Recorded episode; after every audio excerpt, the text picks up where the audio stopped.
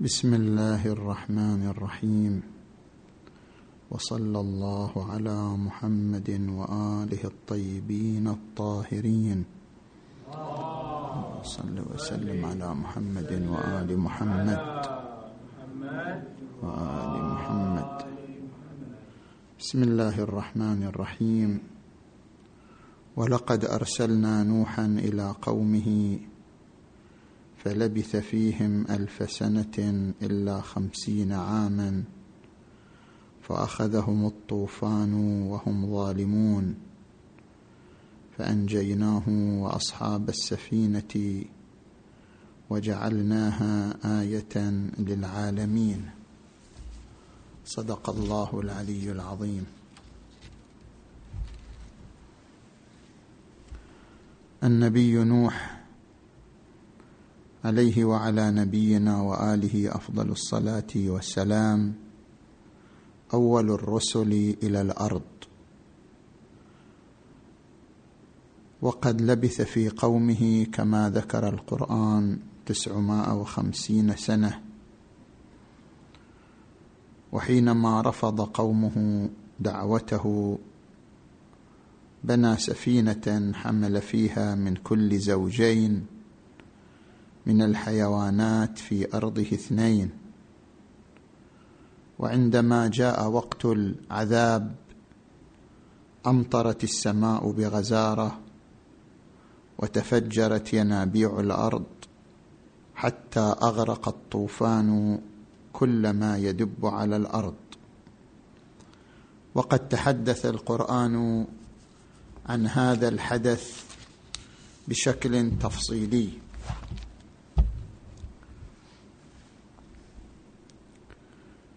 وكان الاعتقاد السائد هو أن قصة الطوفان طوفان نوح قصة توراتية لا نظير لها في تراث الأمم وتواريخهم.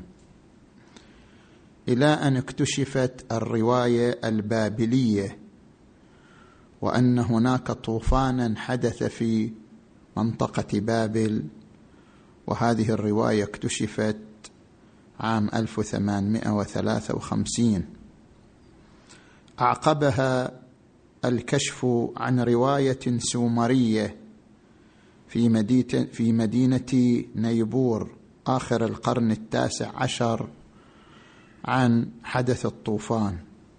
وتعددت بعد ذلك الروايات والكشوفات عن حدوث طوفان. نقل السيد صاحب الميزان. أعلى الله مقامه في الميزان في الجزء العاشر صفحة مئتين وسبعة وخمسين. أخبار الطوفانات يعني عدة أنواع من الطوفان حصلت على الأرض. وأنه في تاريخ الكلدانيين وتاريخ اليونان نقلا عن إفلاطون وتاريخ الفرس وقدماء الهنود وكتاب أوستا الذي هو كتاب المجوس وتاريخ الأدب الهندي أيضا. كل هذه المصادر تحدثت عن حصول طوفان في بلد معين في مكان معين بتخمين بتخمين تاريخ معين. وقد استغل ذلك المنكرون. يعني هذه الاكتشافات أن هناك طوفانا حدث استغلها المنكرون لطوفان نوح.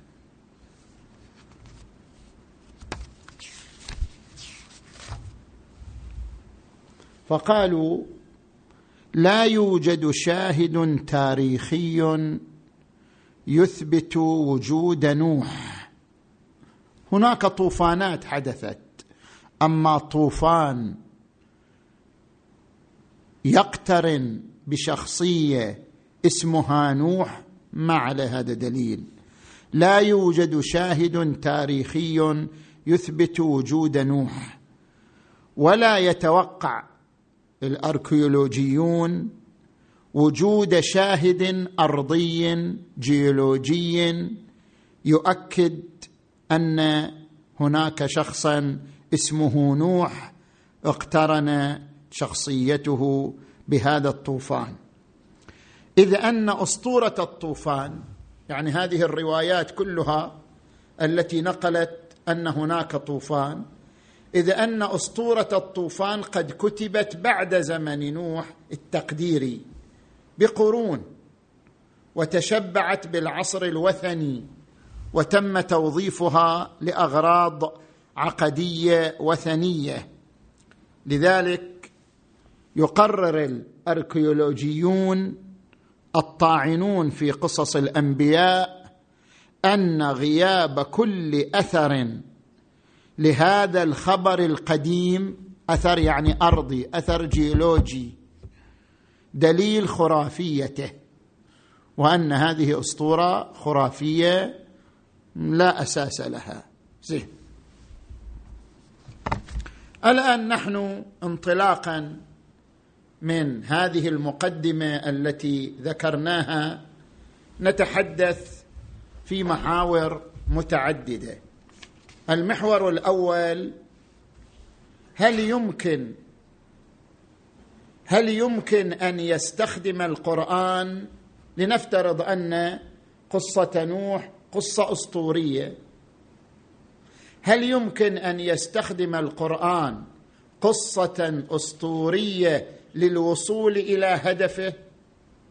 القرآن كتاب هداية. قال تبارك وتعالى إن هذا القرآن يهدي للتي هي أقوم. ألف لام ميم ذلك الكتاب لا ريب فيه هدى للمتقين. قرآن كتاب هداية.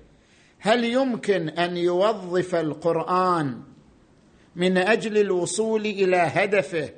ألا وهو هداية المجتمع البشري أن يوظف قصص أسطورية لا برهان عليها لا دليل عليها من أجل أن يصل إلى هدفه ألا وهو هداية البشرية أم لا؟ ذكر السيد صاحب الميزان أعلى الله مقامه في الجزء السابع من الميزان صفحة 165 أن بعض الباحثين ذكر ذلك يعني تبنى هذه النظرية أنه ممكن تكون قصة نوح أسطورة ومع ذلك ذكرها القرآن واستخدمها من أجل الوصول إلى هدفه. فقال نرى أن القرآن يهمل في تاريخ الأنبياء والأمم أمور مهمة. يعني القرآن عندما يتحدث عن أي قصة يهمل أمور مهمة. ما هي؟ تاريخ الوقوع محل الوقوع أوضاع طبيعية اجتماعية سياسية اقترنت بالوقوع يهملها. يعني هذه الدلائل التي نستطيع من خلالها أن نوثق وقوع الحدث. القرآن ما يذكرها. يعني القرآن يذكر قصة موسى بس ما يذكر في أي زمن في أي مكان. مثلا القرآن يذكر قصة طوفان نوح لا يحدد الزمن لا يحدد المكان لا يحدد الملامح الطبيعية والاجتماعية آنذاك حتى تستخدم هذه الملامح في إثبات الحدث. يقول هذا الإهمال من القرآن الكريم أن يهمل دلائل جوهرية مهمة لتوثيق الحدث. لماذا؟ لماذا القرآن يهمل ذلك؟ ويختار من القصة بعض الشذرات وبعض الأحداث. هذا دليل على أن القرآن يهمه ما يرتبط بهدف الهداية. يعني يختار من قصة نوح ما يرتبط بهدف الهداية. يختار من قصة موسى ما يرتبط بهدف الهداية. ثبتت القصة لم تثبت زمنها مكانها ملامحها لا ينظر إليها القرآن. القرآن ينظر إلى ما يستخلص من القصة من عظة وعبرة في مجال الوصول إلى هدفه ألا وهو الهداية إلى السعادة الإنسانية. لذلك من الممكن جدا يقول هذا الباحث من الممكن جدا أن يستخدم القرآن قصصا دائرة بين الناس أو بين أهل الكتاب في عصر نزول القرآن وإن لم يثق القرآن بصحتها بل حتى لو كانت قصة خيالية كما قيل بذلك في قصة موسى مع فتاة. زين؟ أو قصة الملأ الذين خرجوا من ديارهم وهم ألوف حذر الموت وغير ذلك. فالفن القصصي. هذا فن قصصي. مثل أي إنسان يستخدم قصة في تقريب نقطة معينة وهدف معين فالفن القصصي لا يمنع شيئا من ذلك بعدما ميز القاص أن ذكر القصة أبلغ وسيلة لوصول إلى مقصده. هذا كلام بعض الباحثين. يقول لك لا تتعبوا نفسكم. قصة نوح خيالية واقعية ما يحتاج. المهم أن القرآن استخدمها في سبيل الوصول إلى بعض الأهداف. وانتهى الموضوع. لكن السيد صاحب الميزان صفحة 166 الجزء السابع يقول هذا غير معقول. لا لأن الإيمان يبتني عليه بأن نقول الإيمان بالله وبرسوله. ينفي أن يشتمل القرآن على قصص خيالية يتوسل بها إلى اهدافه لا ندعي أن الإيمان متقوم بذلك لكن ندعي أن ظواهر القرآن ترفض ذلك. فإذا كان القرآن كتابا عزيزا لا يأتيه الباطل من بين يديه ولا من خلفه كما نص على ذلك. ونص ما أنزل إليك من ربك هو هو الحق. ونص و و وما با شنو؟ وهل وما بعد الحق إلا الضلال. ونص على أنه يهدي إلى الحق وأنه يهدي إلى صراط مستقيم. مجموع هذه الآيات واضحة الدلالة على أن القرآن لا يشتمل إلا على ما هو حق. حتى لو كان الفن القصصي ممكن أن يستخدم قصة خيالية لأجل الوصول إلى الهدف ولكن مجموع هذه الآيات في القرآن الكريم ترشد بشكل واضح إلى أن القرآن كل ما فيه حق وكل ما فيه موافق للصواب وكيف يكون مقصد من المقاصد حقا على الإطلاق مع تسرب الباطل إلى قصصه وطرقه التي يستخدمها. وكيف ينسجم ذلك مع قول القرآن عن نفسه؟ إنه لقول فاصل وما هو بالهازل مع تسرب البيان إلى شيء من قصصه بنحو المسامحة والمساهلة. فهذا المسلك ليس مسلكا صحيحا. في فهم القرآن الكريم. زين. نجي الآن نحن إلى المحور الثاني. المحور الثاني وهو ما هي الأدلة على أن طوفان نوح أو الطوفان الذي اقترن بشخصية نوح عليه وعلى نبينا وآله أفضل الصلاة والسلام. وقع. هذا الحدث وقع. تاريخيا وقع. بغض النظر الآن عن أدلة المنكرين. نحن ماذا عندنا من أدلة على أن هذا الأمر قد وقع؟ طبعا قصة الطوفان وردت في التوراة كما وردت في القرآن الكريم. بين الكتابين توجد بعض الفروقات. مثلا من هذه الفروقات أن نوح بعد أن انتهى الطوفان سكر وتعرى. يعني شاف روحه خلاص صار كل شيء تمام ارتاح. فشرب الخمر وتعرى. فرأى حام أبو كنعان عورته. ولما استفاق نوح من سكره لعن كنعان. هذا موجود في سفر التكوين. زين؟ وأن نوح عاش بعد الطوفان 350 سنة. هذا ما نص عليه القرآن. القرآن ذكر ما قبل الطوفان. وأن السفينة رست على جبل أرارات. هذا في تركيا كما نص بعض الباحثين. بينما القرآن نص على أنها انتهت إلى الجودي. الجودي طبعا اختلف في موقع من الأرض في جنوب العراق مثلا أو أن الجودي كما ذكر السيد صاحب الميزان ذكر السيد صاحب الميزان الجودي جبل مطل على جزيرة ابن عمر في شرق دجلة من نواحي الموصل. الجودي جبل في الموصل ربما تكون في المناطق المشتركة بين كردستان وبين تركيا ممكن ولكنه الجودي جبل في الموصل وقفت عنده سفينة نوح. بعض الباحثين يقول الجودي في مسجد الكوفة أن جبل الجودي في وسط مسجد الكوفة وهو الذي رست عنده سفينة نوح. بعضهم يقول في النجف عند بحر النجف. على اية حال هذه أقوال مختلفة. في تفسير معنى الجودي. المهم ما هي الأدلة على وقوع الطوفان؟ هنا أدلة أربعة.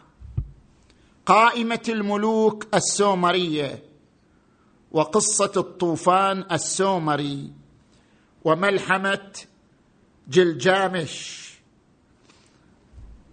والدليل الرابع هو ما ذكره السيد صاحب الميزان نقلا عن بعض المؤرخين والمتخصصين في هذا المجال.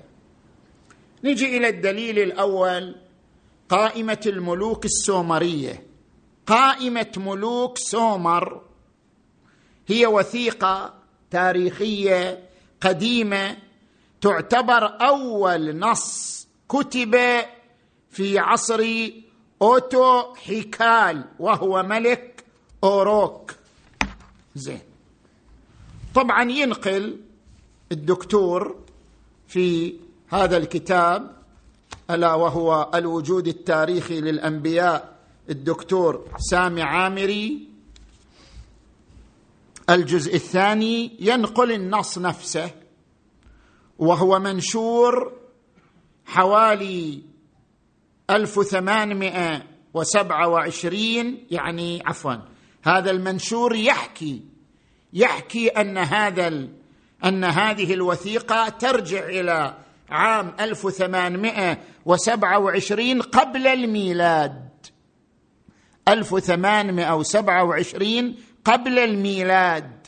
وهي موجودة هذه الوثيقة في متحف شموليان في اوكسفورد تضمن هذا النص. المهم ماذا نستفيد نحن من هذه الوثيقة؟ تضمنت هذه الوثيقة قوائم الملوك السومريين وقسمتهم إلى ما قبل الطوفان وما بعد الطوفان. يعني نحن نستفيد من هذه الوثيقة التقسيم أنها قسمت ملوك ملوك سومر إلى ما قبل الطوفان وما بعد الطوفان. فهي تدل على مركزية تاريخية للطوفان. أن الطوفان كان مركزية تاريخية بحيث أرخت الأحداث وتاريخ الملوك به فاعتبر بعضهم قبل ذلك وبعضهم بعد ذلك. زين. هذا الشاهد الأول. الشاهد الثاني أو الدليل الثاني الطوفان السومري. طوفان السومري هذا وجد في لوح مسماري ويحكي قصة الطوفان السومري فيما يقرب من عصر الملك البابلي حامورابي الذي كان موجودا عام 1728 قبل قبل الميلاد. ولكن ذهب بعض النقاد إلى أن الزمن أبعد من ذلك يعني زمن الطوفان السومري أبعد مما يقارب عصر الملك البابلي حمورابي بل هو يرجع إلى الألفية الثالثة قبل الميلاد. لأن عصر الحكم السومري كان في الألفية الثالثة قبل الميلاد. زين. الجزء الأكبر من قصة الطوفان السومرية هو مفقود لكن يهمنا بعض الخطوط العريضة من هذه القصة حتى نستشهد بها على وقوع طوفان نوح عليه وعلى نبينا وآله أفضل الصلاة والسلام. تذكر هذه القصة. طبعا ينقلها أيضا بالنص يعني بالشكل وبالنص شكل اللوح السومري كما هو وما انتقش فيه. يقول أن زيوسودرا زيوسودرا كان ملكا تقيا وكان عند جدار يسمع حديث الإله إنكي. الإله يوحي بحديث إلى هذا الملك التقي. طلب انكي من زيوسودرا أن يبني سفينة ضخمة. وركب زيوسودرا السفينة التي ظل الماء يتلاعب بها لسبعة أيام وسبع ليالي. ثم خرج زيوسودرا بعد أن نجا من الطوفان. ثم يذكر بقية القصة. يقول في وصف ما جرى في هذا الطوفان يقول جاءت الأعاصير والعواصف واكتسحت العواصم سبعة أيام وسبع ليالي وجعلت الأعاصير المدمرة السفينة تتأرجح في المياه العالية وعندما انتهى الطوفان بزغت الشمس فأنارت الأرض وعندئذ فتح زيوسودرا قوة في الفلك فدخلت السفينة بأشعتها في الفلك فركع زيوسودرا ونحر أعدادا كبيرة من الثيران والأغنام. المهم أن هذا الطوفان السومري يلتقي في بعض ملامحه مع تاريخ الطوفان المذكور في القرآن وفي التوراة العهد القديم. وإن كان هنا اعتبر الشخصية هي ملك لكن هذا الملك كان شنو؟ تقيا وكان موحى إليه من قبل الإله أن يبني السفينة وبنى السفينة ودخل بها في العباب إلى أن تمت النجاة. زين. نجي إلى الدليل الثالث. ملحمة جلجامش. تتكون ملحمة جلجامش من ثلاثمائة سطر. على 12 لوحة وتعود إلى سنة 2000 قبل الميلاد. وقد اكتشفت في منطقة نينوى. الدكتور فاضل عبد الواحد علي عنده كتاب الطوفان في المراجع في المراجع المسمارية. ذكر ذلك صفحة 121 طبعا جلجامش هو أحد ملوك الوركاء. الذين نسجت حولهم أساطير وملامح في عهد السومريين والبابليين. ما يهمنا من هذه الملحمة. هي ملحمة طويلة. ما يهمنا منها مما يرتبط بطوفان نوح. بحث جلجامش عن جده أوتنا باشتم جده بيتبين هو صاحب الحدث يعني حدث الطوفان. ليسأله عن طريق الخلود. وبعد أن عثر جلجامش على جده أخبره جده كيف نجا من الطوفان. زين. قال أوتنا باشتم إلى جلجامش يعني الجد إلى الحفيد سأكشف لك عن مسألة خفية. سأخبرك بسر من أسرار الآلهة. إن شروباك وهي مدينة تقع على ضفاف الفرات وهذه المدينة كانت قديمة وعندما عقدت الآلهة العزم على أحداث الطوفان قيل اهدم البيت وابن السفينة واحمل في السفينة بذرة كل المخلوقات الحية. مثل ما عبر القرآن الكريم احمل فيها من كل زوجين. اثنين أما السفينة التي ستبنى فاضبط مقاييسها واجعل عرضها مساويا لطولها. إلى أن قال وفي اليوم الخامس أقمت هيكلها. وكانت مساحة قاعدتها أيك واحد وكان ارتفاع كل من جدرانها 120 ذراعا. هكذا حددت أبعادها وهيكلها. لقد جعلت فيها ستة فواصل. قسمتها إلى سبعة طوابق. قسمت أرضيتها إلى تسعة أقسام. غرست فيها مسامير الخشب لمنع وصول الماء. وفي اليوم السابع تم بناء السفينة. غير أن إنزالها إلى الماء كان في غاية المشقة. إذ كان علينا أن نبدل الألواح في الأعلى والأسفل. إلى أن غطس ثلثها في الماء ثم حملت فيها كل ما أملك. وحملت كل ما عندي من مخلوقات حية. وأصعدت على ظهر السفينة عائلتي. وأصعدت على ظهرها حيوان الحقل والبر المتوحش وكل الصناع. وحد وحدد لي وقتا معينا. إلى أن قال فدخلت السفينة وأغلقت الباب وعند إطلالة الفجر ظهرت في الأفق سحابة سوداء وتحطمت الأرض الواسعة مثل ما يتحطم الإناء واستحال كل نور إلى ظلمه. هذه مو رواية من عند الشيعة ولا رواية من عند السنة هذه ملحمة جلجامش ملحمة في ألواح سومرية موثقة. زين؟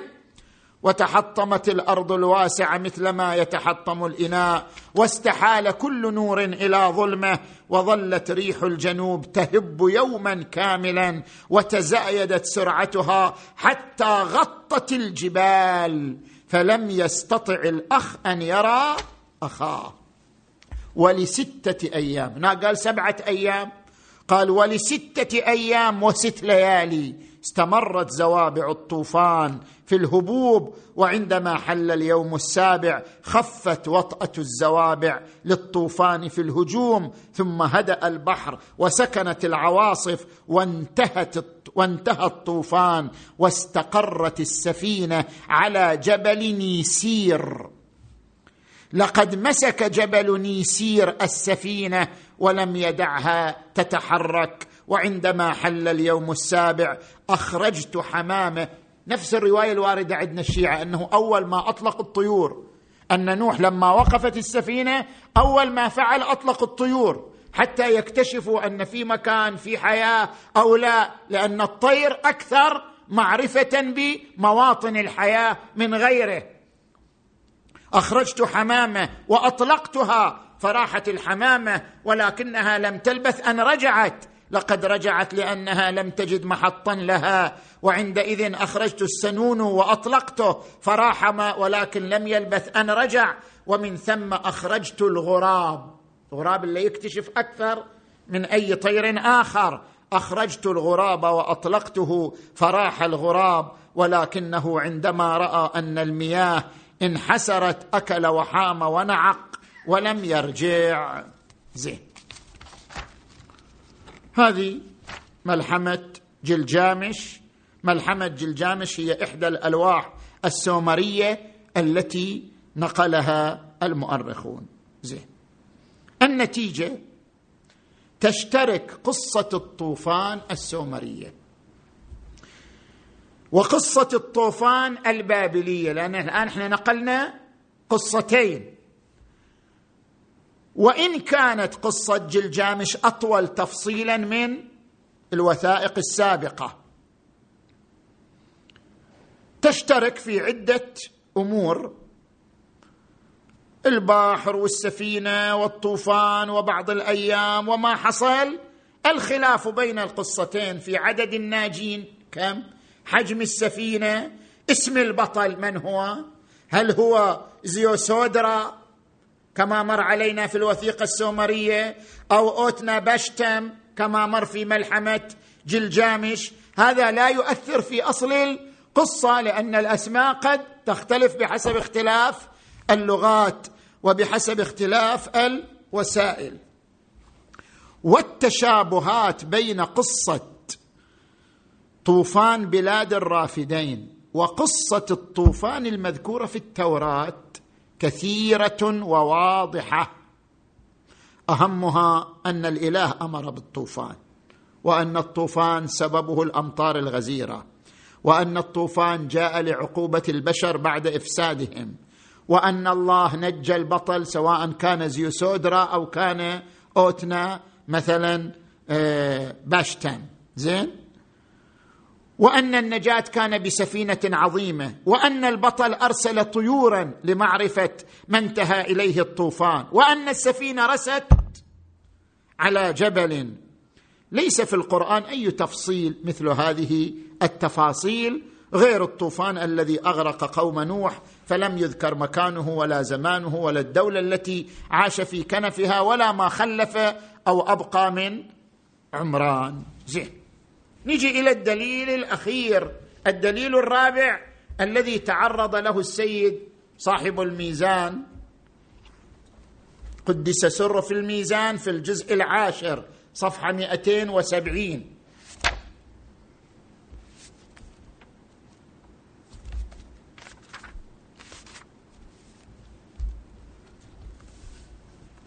قال ومما يناسب المقام. ما نشرته جريدة كيهان المنتشرة أول سبتمبر عام 1962 قبل ما قبل ميلادي وميلادكم ربما كلكم المطابق لغرة ربيع الأول سنة 1382 عن مثلا متحف لندن أو كذا.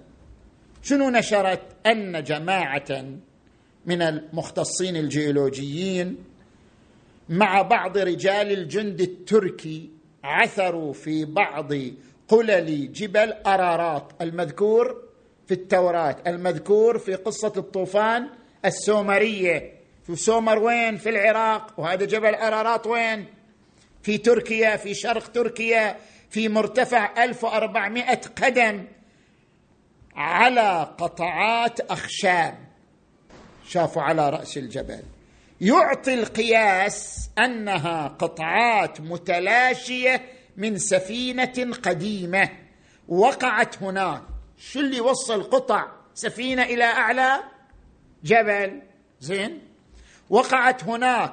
تبلغ بعض هذه القطعات من ال يعني من القدم بحسب طبعا الجيولوجيون. هذه مهارتهم أن يعرفوا تاريخ هذه الأخشاب 2500 سنة قبل الميلاد. تماما يتقارب مع ما ورد في قصة الطوفان السومرية والبابلية من أنه 2000 ومثلا 27 قبل الميلاد ألف وهكذا. نعم يتقارب معها. والقياس يعطي أنها قطعات من سفينة يعادل حجمه ثلثي حجم مركب كوين ماري الإنجليزية التي طولها 1019 قدما وعرضها 118 قدما. وقد حملت الأخشاب إلى سان فرانسيسكو لتحقيق واقعها. زين. هذا المحور الثاني الأدلة التي ذكرت أن هناك طوفانا اشتمل على كثير من الأحداث التي سجلها التوراة وأشار إليها القرآن الكريم.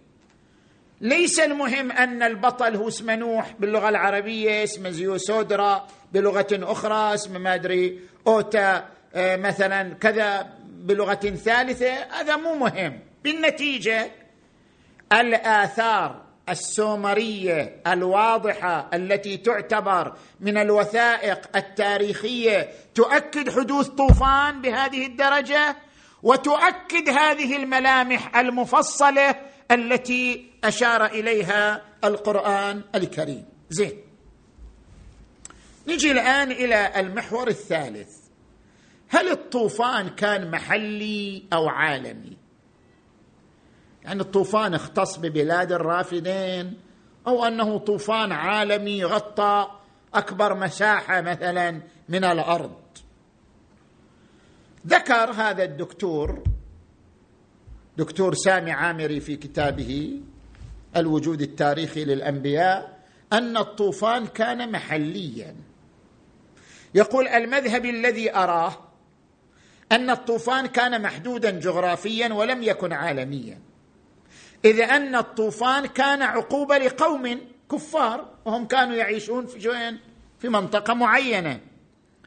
وقد كان نوح مرسلا إليهم وممن شهد من المفسرين لمحلية الطوفان يعني أن الطوفان كان محلي وليس عالمي ابن عطية المتوفى عام 542 في تفسيره المحرر الوجيز في تفسير الكتاب العزيز الذي طبع في بيروت دار الكتب العلمية عام 1422 هجري. ذكر هناك أن الطوفان كان شنو؟ محليا. زين. وذكره الألوسي أيضا المتوفى عام 1270 هجرية في تفسيره روح المعاني. قال الذي يميل القلب إلي أن الطوفان لم يكن عاما. ولم يؤمر ولم يؤمر نوح بحمل ما جرت العادة بتكونه من عفونة الأرض كالفأر والحشرات. يقول قطعا كان في فيران وحشرات لكن ما أمر نوح بحمل الفئران والحشرات في سفينته. شو يستفيدوا من يحطوها في السفينة؟ تخرب عليهم تخرب عليهم الأشياء مثلا. بل أمر بحمل ما يحتاجون إليه إذا نجا ومن معه من الغرق لئلا يغتموا لفقده ويتكلفوا مشقة جلبه. يمكن كان متأذي من الفيران بعد الألوسي. فكأنه قيل له احمل فيها من كل ما تحتاجونه مو من كل شيء من كل ما تحتاجونه. إذا نجوتم زوجين اثنين. زين. لكن صاحب الميزان يستقرب أن الطوفان عالمي ويذكر في الميزان في الجزء العاشر يذكر في الميزان في الجزء العاشر صفحة 264 يقول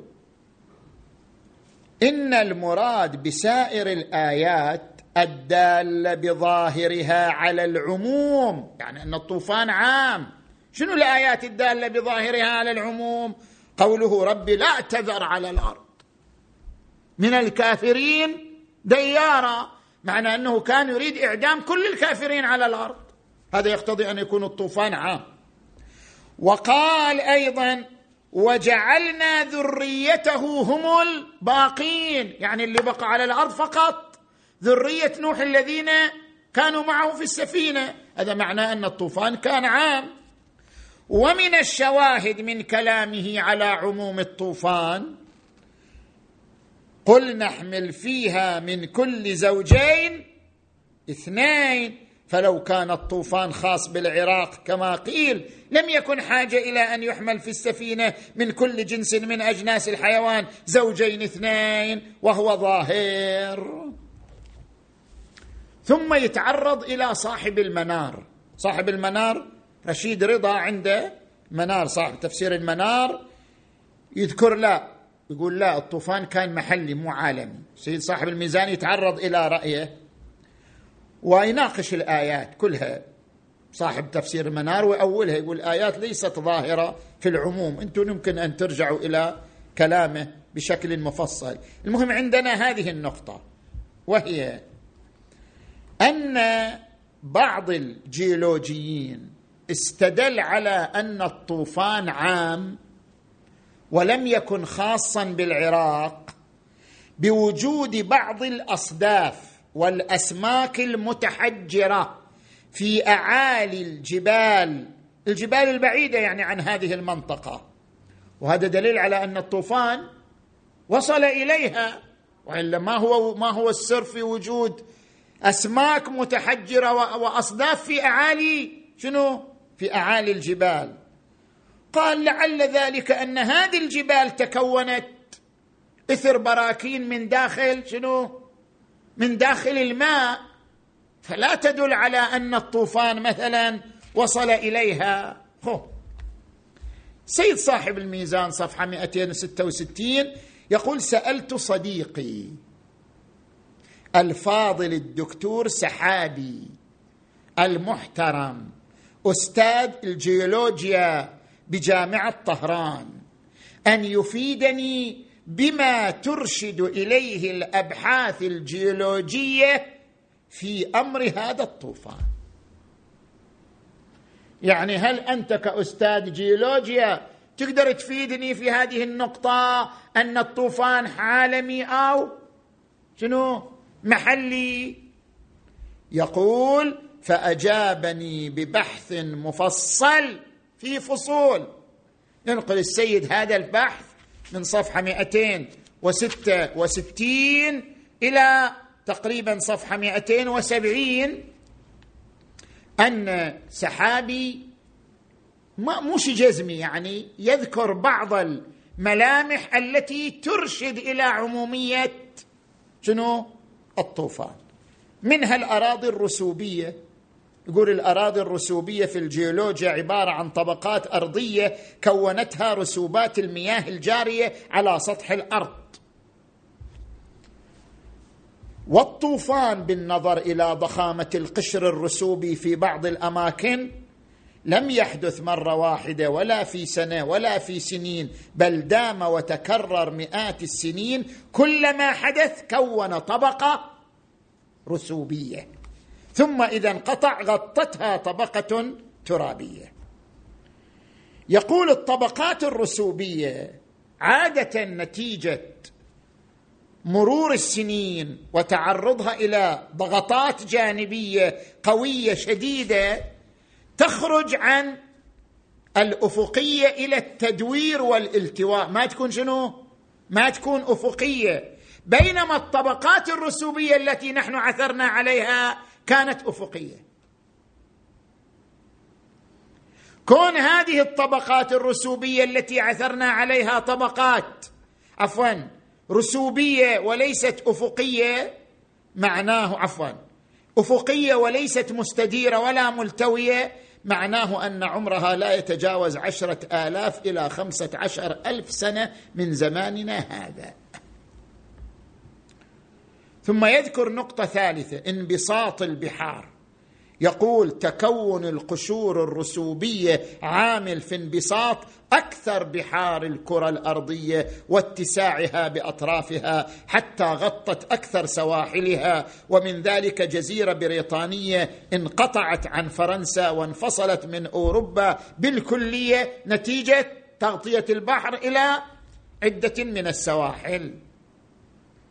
ثم يذكر شواهد جيولوجية تؤيد أن النزولات الجوية كانت غير عادية في أوائل هذا المهم في أوائل الدور الحاضر لأنهم قسموا الأدوار أدوار العصور البشرية في أوائل الدور الحاضر من أدوار الحياة الإنسانية وهو المسمى بعهد الطوفان. يعني إحنا الدور اللي نعيش فيه هو دور ما بعد شنو؟ ما بعد الطوفان. زين. النتيجة يمكن تشوفوا البحث النتيجة على ما قدمناه من البحث يمكن أن ينطبق ما قصه القرآن من خصوصيات الطوفان في زمن نوح على هذا. كقوله تعالى ففتحنا أبواب السماء بماء منهمر وفجرنا الأرض عيونا فالتقى الماء على أمر قد قدر. وقال حتى إذا جاء أمرنا وفار التنور وقيل يا أرض ابلعي ماءك ويا سماء أقلعي. وغيض الماء وقضي الأمر. زين. المحور الأخير هذا دقائق. المحور الأخير ذكرنا نحن أدلة من يثبت أن هناك طوفان وقع وطوفان كبير سمحلي عالمي هذه جهة ثانية من البحث. وأن هذا الطوفان الكبير كان مركزيا كان له مركزية تاريخية قسم التاريخ إلى قسمين. وأنه مبدأ دور من أدوار الحياة الإنسانية. وأن ملامح هذا الطوفان تشترك فيها. توراه قرآن قصة الطوفان السومري قصة الطوفان البابلي تشترك في الملامح التي ذكرت. اذا بحسب دليل حساب الاحتمالات وقع طوفان. وأن القرآن لم يذكر قصة شنو؟ أسطورية تخيلية لا. القران الوحيد ذكر أنها نوح. لم يحدد لو حدد القرآن زمانا مكانا ملامح معينة لشخصية نوح ثم اكتشف الأركيولوجيون خلافها لصح أن يقال ما ذكر في القرآن أسطورة. بس القرآن بذكاء لا حدد زمن لا حدد مكان لا حدد ملامح معينة ذكر القصة بشكل شنو؟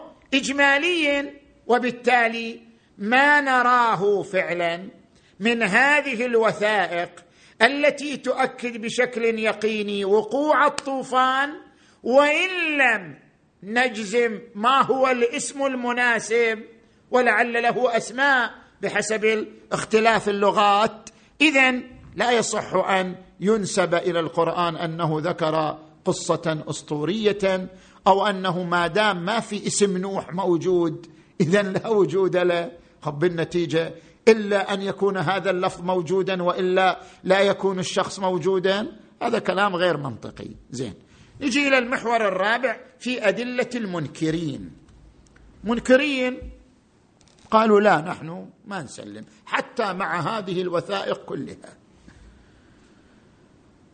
لا شك أن المنطق المادي يختلف عن المنطق الإيماني. المنطق المادي يقول كيف يحصل عقاب للبشر ويستثنى منه المؤمنون؟ إذا هو عقاب جاي من السماء المفروض يعم الكل. كيف يستثنى منه المؤمنون وبعض الحيوانات؟ فإن هذا ضد الطبيعة المضطردة التي لا تتعطل. بينما المؤمنون يقولون مقتضى القدرة الإلهية والعلم الإلهي وأن هذا كان عقابا ولم يكن حدثا طبيعيا عاديا. إمكان استثناء المؤمنين وبعض الحيوانات من غيرهم خصوصا أن هذا الاستثناء جاء استثناء شنو؟ اختياريا بعد سفينة وسفينة ضم فيها المؤمنون وضم فيها بعض أنواع الحيوانات فكان استثناء اختياريا لأنه استثناء طبيعي يعني مو الطبيعة استثنت. حتى يقال كيف استثنت الطبيعة المؤمنين وبعض الحيوانات؟ استثناء اختياريا من خلال الصعود في السفينة. زين ما هي أدلتهم؟ قالوا الدليل الأول أنه بعد أن اكتشفنا قصة الطوفان السومري والطوفان البابلي وما أشبه ذلك. اذا لعل القرآن نسخ يعني لعل محمد هو أخذ القصة من هذه الوثائق التاريخية الأدبية الموجودة عند السومريين والبابليين أخذها وأودعها في القرآن. وقال بأنه في نوح وفي كذا وفي حدث كذا والحال بأنه مأخوذ من التراث الأدبي السومري البابلي. زين.